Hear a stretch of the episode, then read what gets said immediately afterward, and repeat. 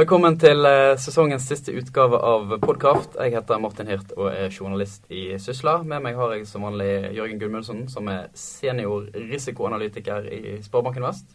Det stemmer. Det høres veldig fint ut. Ja, det høres Jeg er veldig imponert selv over den tittelen der. Eh, Jeg hadde ikke venta meg så mye, men eh, Så du har ikke bedt om noe spesifikt, altså? eh, Senior, da er man jo på en måte ja, det er, altså, Man er ikke pensjonist ennå, men det er liksom senior. Kanskje jeg, jeg prøver å få en ekstra ferieuke pga. den tittelen der, da. Men jeg, vet jeg har ikke klart å få det inn i lønnsforhandlingene. Det blir med sånn grodag, er ikke det Ja, jeg, jeg, innføringen av den sjette ferieuken? eller? den tror jeg alle har, den grodagen. Har de ikke det? Vet ikke, du Lars Henrik, du er jo daglig leder. Har du grodag? I Norsk Klimastiftelse, får vi legge til. Ja, er det, lør er det lørdagen? Eller Søndagen er jo hviledagen. søndagen? Eh, Vi sitter eh, riktignok innelukket i et studio, men eh, ute skinner solen i Bergen, som ifølge McKinsey kan bli verdens nest rikeste by. Og vi er i hvert fall på trygg avstand fra Stavanger, der blodet til Petter Stordalen ifølge VG flommer over i eh, gatene. Så Jørgen, du har jo vært ute i, i media siden sist som, eh, som ekspert på renter og boligkjøp og kjøpsfest. Og da så jeg du hadde det var i hvert fall sitert i BT på at folk flest værer usikkerhet, og usikkerheten eventuelt avstår fra de store kjøpene fremover. Og Lars Henrik skal jo kjøpe hus. Hva, hva sier det om hans eh, vurderingsevne i dagens økonomiske klima? Jeg, jeg regner jo med at han kjøper hus for å øh, bo der eh, i mange, mange år. Så at han er ikke en spekulant på sånn måte. Det håper jeg virkelig ikke, Lars Henrik. Ikke, Jeg, jeg har faktisk kjøpt hus. du har kjøpt hus, ja. Så du kjøpte, kjøpte på topp? Dette visste jeg jo ingenting om. eh. Nei, jeg burde kanskje sagt ifra til deg før. Nei, men til- den artikkelen her så var det jo et generelt spørsmål om hvordan vi opp, eh, oppfører oss under usikkerhet, eller økt usikkerhet. Og da var det jo særlig at det er særlig varige goder, da, som bil, nybilkjøp og sånne ting man utsetter. Og så er det, så det er på den ene effekten. Og den andre effekten er at man eh, generelt sett blir litt eh, sparer litt mer alle petrokanter og, og reduserer forbruket sitt litt sånn generelt. Sånn forsiktighetsmotivert sparing kalles det. Og så vent og se-effekten. Så det så, så sånn er det. Mm. Du gjør vel lurt i å ikke avsløre hvor du har kjøpt hus, for å unngå massene som eh, står på døren og skal hylle deg. Ja, det er jo ofte sånn når du går for jobb og folk lurer på hvor skal, skal du hen. Så jeg, ja. det holder meg for, for meg sjøl. Det er godt. Eh, Mesteparten av dagens podkraft er viet eh, Bloomberg New Energy Finance sin årlige New Energy Outlook, som kom eh, på tirsdag. Eh, men før vi kommer så langt, så har det skjedd ganske mye siden sist vi eh, var sammen. Sånn kort oppsummert så skal jeg prøve meg på en eh, nyhetsbulletin. Er det det heter? Bulleteng? Ja, skal vi lage en lyd nå i bakgrunnen? Ja, det kan du gjøre. Klarer du en sånn stemmen fra London-intro på sparket? Jø- Jørgen? Ding! Nei, det er strålende. Av eh, de to siste ukers høydepunkt så eh, melder vi følgende. Eh, GTM Research eh, spår at installert kapasitet for solenergi kan tredobles på fem år. Paven har sendt ut en eh, såkalt encyklik... Dette burde jeg øvd meg på på forhånd. En syklika, som er et lærebrev der han bl.a. er svært bekymret for eh, klima. Det kan du lese mer om på nettstedet Energi og klima. I Storbritannia har man tatt bort subsidier for nye onshore vindparker fra 1.4 neste år. Det tyske analysebyrået Roland Berger advarer etablerte kraftselskap eh, eh, og påpeker at eh, de eier mindre enn 1% av solkapasiteten som er i ferd med å utvides kraftig. Eh, Her til lands fortsetter sagaen om vindkraftutbyggingen på Fosen og Snillfjord. I en redegjørelse til Monica Mæland skriver Statkraft at eh, prosjektet på Fosen likevel er lønnsomt, mens Snillfjord ikke er det. Er det noen som har lyst til å gjette på forklaringen på hvorfor Fosen er lønnsomt og ikke Snillfjord? Det har vel med at det blåser enda mer på Fosen. Jeg syns det var utrolig fascinerende. Det er såpass enkelt at det bare blåser mer på Fosen. Det var liksom sånn Det er ganske fascinerende banal. Det er folkeopplysning. Det er det. Imens så melder Dagens Næringsliv at Credit Suisse eh, og BKW Energi eh, har lyst til å overta Statkraft sine eierandeler. I Spania så truer regjeringen med å skattlegge de som produserer strøm på solceller. Og til syvende og sist, her hjemme så har eh, BKK fått ny konsernsjef. På mandag ble hun utnevnt. Hun heter Jannike Hilland og kommer fra jobben som direktør for konsernsikkerhet og sikring i Statoil. Eh, og Lars Henrik, hva tror du blir det viktigste for Hilland i eh, den nye jobben og BKK? Nei, også, Nå kjenner ikke jeg hun eller vet hva hun, hva hun står for, men det jeg tenker hun er jo et marked i vanvittig endring. Så det er litt, eh, det er litt som papiravisene kanskje var for noen år tilbake, når de så internett og nettavisene kom eh, for fullt. Der er kraftselskapene i dag. Med billig solenergi og billig eh, desentral, desentralisert kraft. Nå kommer lagringsteknologi for fullt. Hvordan skal da de etablerte, gamle kraftselskapene operere og posisjonere seg i dette landskapet? Det tenker jeg det blir det viktigste. Nei, jeg, jeg deler Lars Henriks synspunkt her. Det å diversifisere eh, dagens portefølje, det er på en måte har de alt å tjene på. Den er ganske snever. Altså De har eh, en del fornybar med vannkraft og sånne ting, men, eh, men det å se på andre muligheter er sånn eh, Hvis ikke vindkraft, som kanskje ikke er lønnsomt eh, her, men andre alternativer, eh, fornybare energiløsninger, det, det, er, eh, det tror jeg er åpenbart veien å gå. Det er bare startskuddet går nå. Så tror jeg òg at eh, altså for BKK og de andre kraftselskapene som er offentlig dominert, så tror jeg også dette reiser spørsmål om hva type eierskap, eller hvordan skal eierne agere eh, i disse tidene med store endringer. At man òg eh, har utbyttepolitikk og en utbyttepoliti og for, forståelse fra politikerne som sitter gjerne og ønsker mest mulig utbytte. At de forstår at eh, her må det kanskje investeres for en annen tid. Eh, så jeg tror den nye konserndirektøren har Eh, må på en måte drive BKK i riktig retning, men så må du òg prøve å få større forståelse kanskje hos eierne. Det blir spennende å se hvor veien går for eh, BKK videre. De har bl.a. begynt eh, å designe energisystem for distribuert kraft i på Oddland i Bergen, der man skal bygge lavutslippsboliger. Så det er ting som er i endring der òg. Vi skal vende oppmerksomheten til New Energy Outlook fra Bloomberg som kom i går. Eh, og hva er, hva er denne rapporten, Lars Henrik? Hva slags status har den?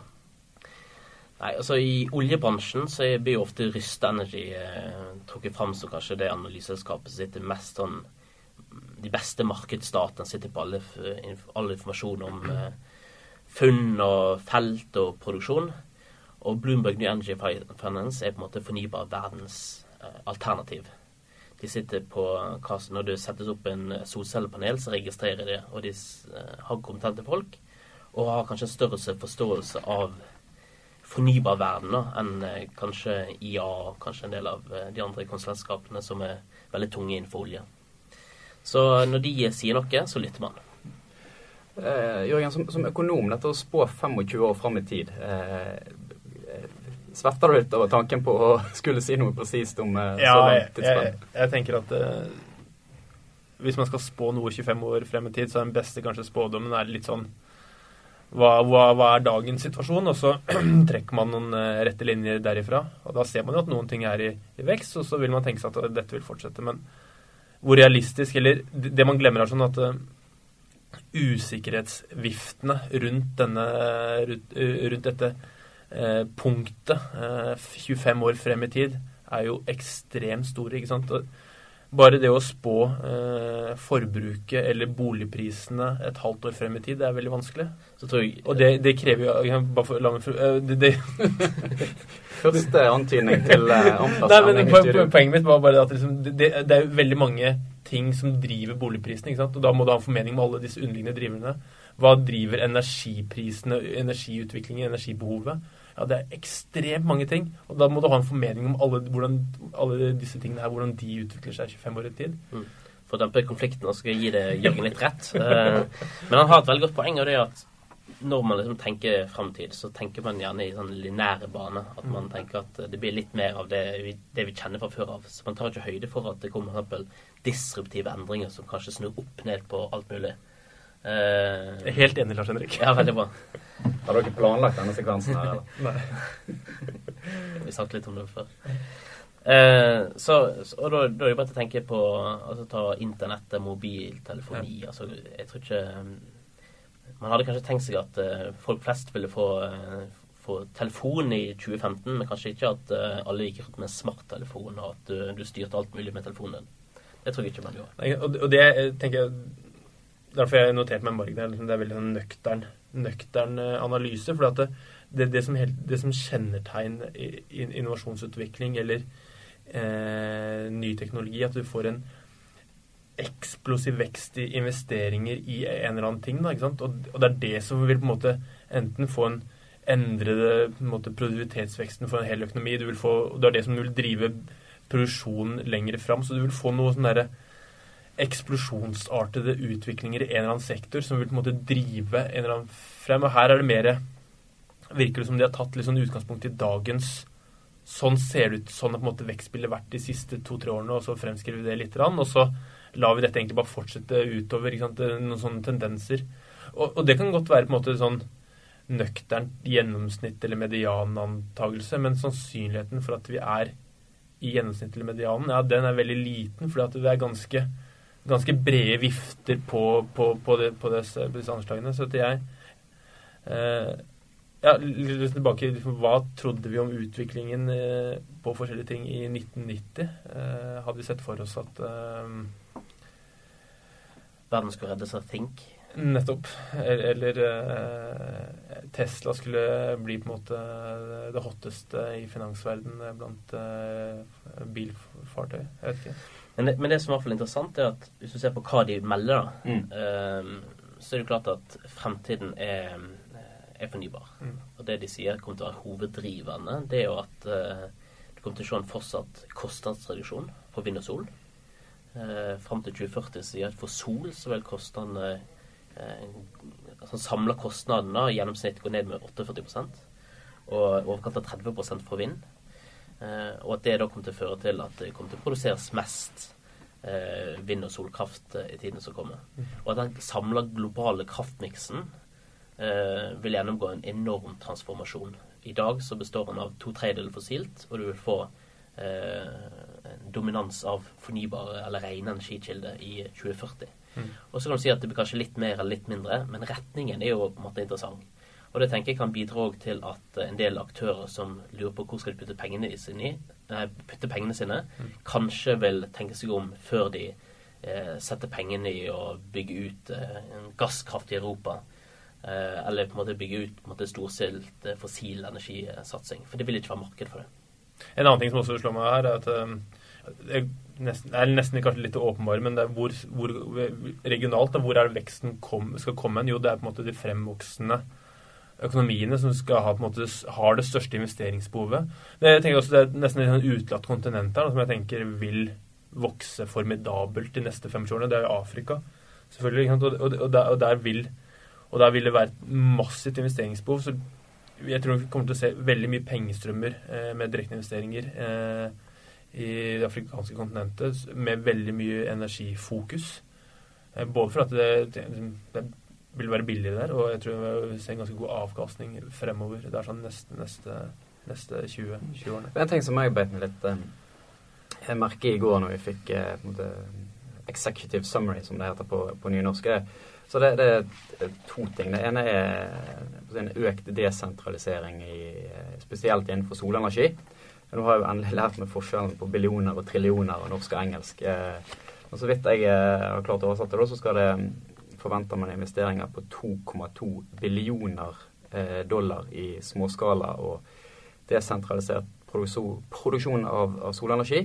Og så I tillegg så eh, påpeker man at gassen som energikilde ikke ser ut til å bli en slags overgangskilde på vei bort fra kull. Eh, rett og slett fordi i land der man politisk ikke eh, innfører mekanismer for å redusere kullbruken, så vil gassen taper på pris for enten kull eller fornybar. Og en del av de utviklingslandene som du eh, mm. trekker fram, Jørgen, vil, vil, ha en mer sånn todel utvikling, der de elektrifiseres ved hjelp av kull og eh, fornybar. Hva, hva, tenker du om det, Lars Henrik? Altså det, det fraviker jo kanskje litt fra den eh, altså fraviker det fra den fra Norge og Norge som gassnasjon?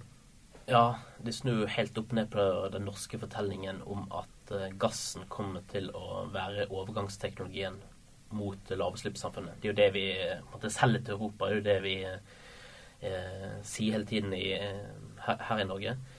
Hvis du tar liksom en, tenk, tenker på den, den europeiske kraftmiksen som et fotballag, så kan du tenke at det Blueberg sier, det er at utespillerne, det kommer til å være vind og sol og eh, stort sett eh, fornybar energi. Og så kommer du til å ha litt gasskraft på reservebenken når, når sol ikke skinner og, og vind ikke blåser. At det blir en sånn reservekapasitet og ikke en sånn grunn, grunnlast. Og det tror jeg kommer til å gjøre det langt mindre attraktivt å, å, være i den bransjen. Og for Norge så er jo dette et risiko. Og tar bare sola, så sier de at i dag så står sol, altså småskala solenergi i Europa i dag står for 6 av eh, totale kapasitetsmiksen. Eh, og dette skal opp til eh, over 20% i 2040. Og det er kun sol. Og så kommer alle de andre fornybare kildene i tillegg. Mm. Så er klart at for gassen er dette en mindre attraktiv fremtid. Ja, ja, det, det er vel jeg, er veldig glad i tall. Det er lett å la seg blende disse tallene. Men jeg, tenker også at det er jo Man må også være litt forsiktig med å, la oss blende helt av disse veksttallene og andelstallene. For det er jo sånn at det, eh, energikapasiteten og behovet det vokser jo enormt. Så det er jo fortsatt ganske stor plass for, for Eller de sier jo selv også at det er ganske stor plass for fossile energikilder. Og jeg vet ikke hvor stor andel av dette skulle være gass. Men, men, men eh, det er interessant at jeg er også helt enig i det at det, jeg tror de som er, står overfor energi, altså de fremvoksende økonomiene, og de som ikke er, måte, er i kategorien fremvoksende heller ennå, de er, på en måte, kommer midt i en energirevolusjon, og det er naturlig for dem å hoppe. Gjøre det hoppet, ikke, ikke ta alle fasene, gjøre det hoppet fra eh, kanskje kull til, til noe eh, helt fornybart. Og det er naturlig hopp, for det er ikke noe vits for dem. Det er fordyrende for dem å gå via alle disse stegene. Så jeg er nok enig i at det noterte meg at det var Nord-Amerika, som, har et, som et, har et eget gassmarked, hvor gassen er mye billigere. Men det er også som spår 25 år fram i tid. Hvordan vil transporten av gass eh, skje 25 år fram i tid, eller i løpet av den der? Det er ikke så veldig vanskelig. Altså, her igjen så kan det være noe For at gass skal være lønnsomt, da, ifølge den tiden her, så, så, må jo da skje noe med gasstransporten. Men, men det interessante er jo altså det er et veldig skille mellom OECD-land og ikke-OECD-land. Ja. Eh, og det man, det man sier, er at man har i uh, Europa da, så har man klart å, å bryte uh, på en måte kurvene for energibruk og økonomisk vekst. Og det er, det, det er jo den knekken òg du må få til i, i, Kina og i, og i andre land. Mm. og derfor så vil det ikke være noe sånn særlig stor, større energiforbruk i Europa. Så veksten her vil jo komme i mm. asiatiske, ja. asiatiske land. Så for, så for, gassen er dette dårlig nytt. Så skal jeg vel også legge til at Bloomberg sier at i de landene der man har politisk insentiv for å kvitte seg med kull, så vil gassen fremdeles ha en rolle, og trekker bl.a. fram noen av de landene som Norge eksporterer uh, mye til. Så helt mørkt på kort sikt er det i, i hvert fall ikke. Altså, en siste ting som jeg har lyst til å, å, å trekke fram. Jeg snakket med Seb Henhest, som er hovedforfatter på rapporten i går, og han trakk fram noe interessant. At solenergi og, og småskala, altså det å ha solceller på taket, mener han eh, Altså man kan eh, peke på liksom menneskelige faktorer, at det har en smitteeffekt.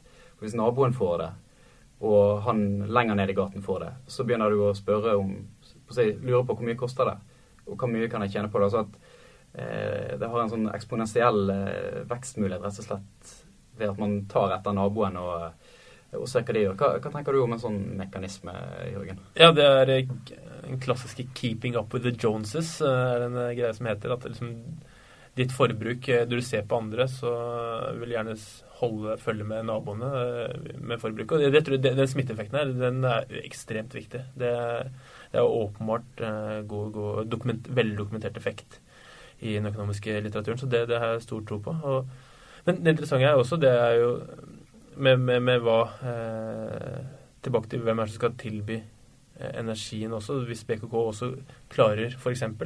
å spre sin, spre sin energiinnhentingsmiks og derved redusere sine, sine, kostnader, så vil jo det også gjøre noe med, gjøre noe med, med, med forbruksmønsteret også. Eh, nå nevnte jeg bare BKK som eksempel, men jeg tror det er særlig gjeldende i fremvokste økonomier også, at man har en helt annen type, type, type forbruksmønster som vil endre seg dramatisk i, det, i dette bildet som um, Bloomberg tegner her sånn. Vi er nødt til å, å nærme oss slutten av at Tiden løper altfor godt i helt middels selskap. Men um, til slutt Ja, det var bra det kom en litt sånn lattersukk der. Er litt usikker på om jeg hadde trukket i bare. Men uh, Til slutt eh, så avtalte vi på forhånd at vi skulle ta med én ting hver som eh, hadde fascinert oss i løpet av, eller begeistret oss i løpet av uken som har gått. Eh, jeg kan begynne med deg, Lars Henrik. Ja, altså det lot meg veldig fascinere. Vi har snakket om Tesla tidligere. eh, Og det som nå skjer, det er at det ene bilselskapet etter det andre hiver seg på batteriteknologibølgen. Så da Nissan de har da gått sammen med Green Charge Networks om å De skal i slutten av året tilby en egen batteripakke for husholdninger. Men det som er spesielt her, det er at de, bruker, de bygger ikke nye batteri, men de bruker gamle, brukte te- Nissan Leaf-batteri. Så er altså et gjenbruk av bilbatteri som nå skal eh, lagre sol og, og vindkraft til husholdningers formål. min eh, lille fascinasjon. Er at eh, jeg fant en graf på, på Twitter i går eh, som viser at eh, solenergi i USA er konkurransedyktig eller billigere på pris enn eh, den regulære, konvensjonelle energi fra strømnettet i 36 av 50 stater i løpet av eh, 2016. Eh, Og det passer jo for så vidt godt inn i, i bildet på, på rapporten vi nettopp har eh, snakket om. Mm. Da får du eh, siste ord, Jørgen. Når du, be, når du sa begeistret, eh, så, så, så angrer jeg litt på at jeg, hva jeg kommer til å si. Du kan være begeistret for et økonomisk perspektiv. Jeg begeistrer meg ofte av Norges Bank, min tidligere arbeidsgiver. De hadde rentemøte nå på torsdag hvor de kuttet renten som Sparebanken Vest ventet på forhånd, til 1% Det er historisk lavt nivå. Bakgrunnen var jo fordi at det er jo, er jo stor utfordring i norsk økonomi med en forventet nedgang i oljenæringen.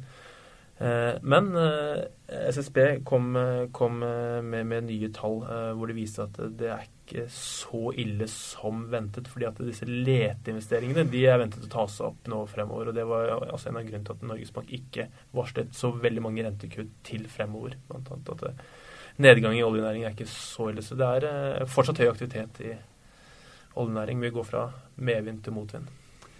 Fortsatt høy aktivitet. Det satser vi jo på etter ferien. Eh, Vi er tilbake i august, og da som en del av innholdet på Sysla grønn, som er Sysla sin eh, utvidelse innen eh, fornybar energi og grønne løsninger. Har du lyst til å tegne deg på nyhetsbrevslisten, så kan du skrive inn e-postadressen din i feltet nederst i denne artikkelen hvis du har funnet podkasten via sysla.no. Hvis du hører på via iTunes, så går du inn på sysla.no og finner saken. God sommer, så snakkes vi.